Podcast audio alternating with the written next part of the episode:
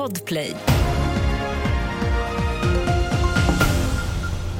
Vi börjar med att flera persontåg har ställts in i delar av Norrland idag på grund av den stränga kylan. Och i bland annat Nikkaluokta har säsongens hittills lägsta temperatur uppmätts, minus 41,6 grader. De sista åren har det väl inte varit så där riktigt kallt och de här köldknäpparna har inte varit mer än någon dag men, men nu har det varit lite mera ihållande.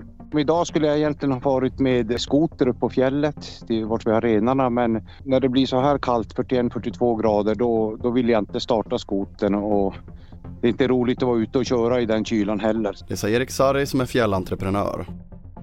Vi fortsätter i Göteborg där en olycka inträffade på Liseberg under annandagen, det rapporterar Göteborgs-Posten. En parkanställd som skulle hjälpa gäster att gå över rälsen i berg och dalbanan Valkyria för att lämna stationen föll ner i ett hål som finns i plattformen när tåget inte står på perrongen. Hon fördes till sjukhus med ambulans men fick senare samma kväll lämna sjukhuset utan några allvarliga skador. Vi avslutar med att ungdomar sover 30 minuter längre om de börjar skolan en timme senare, något som minskar risken för depression, det visar en ny svensk forskningsstudie enligt Sveriges Radio Ekot.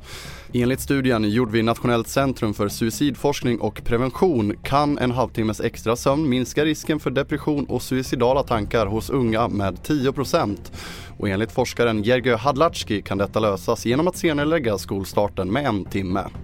Fler nyheter hittar du på tv4.se. Jag heter André Metenen Persson.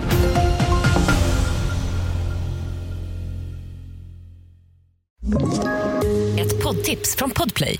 I podden Något Kaiko garanterar östgötarna Brutti och jag, Davva, dig en stor dos skratt. Där följer jag pladask för köttätandet igen. Man är lite som en jävla vampyr. Man har fått lite blodsmak och då måste man ha mer.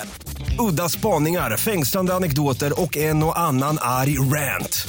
Jag måste ha mitt kaffe på morgonen för annars är jag ingen trevlig människa. Då är du ingen trevlig människa, punkt. Något Kaiko, hör du på Podplay. Därför är gardinerna.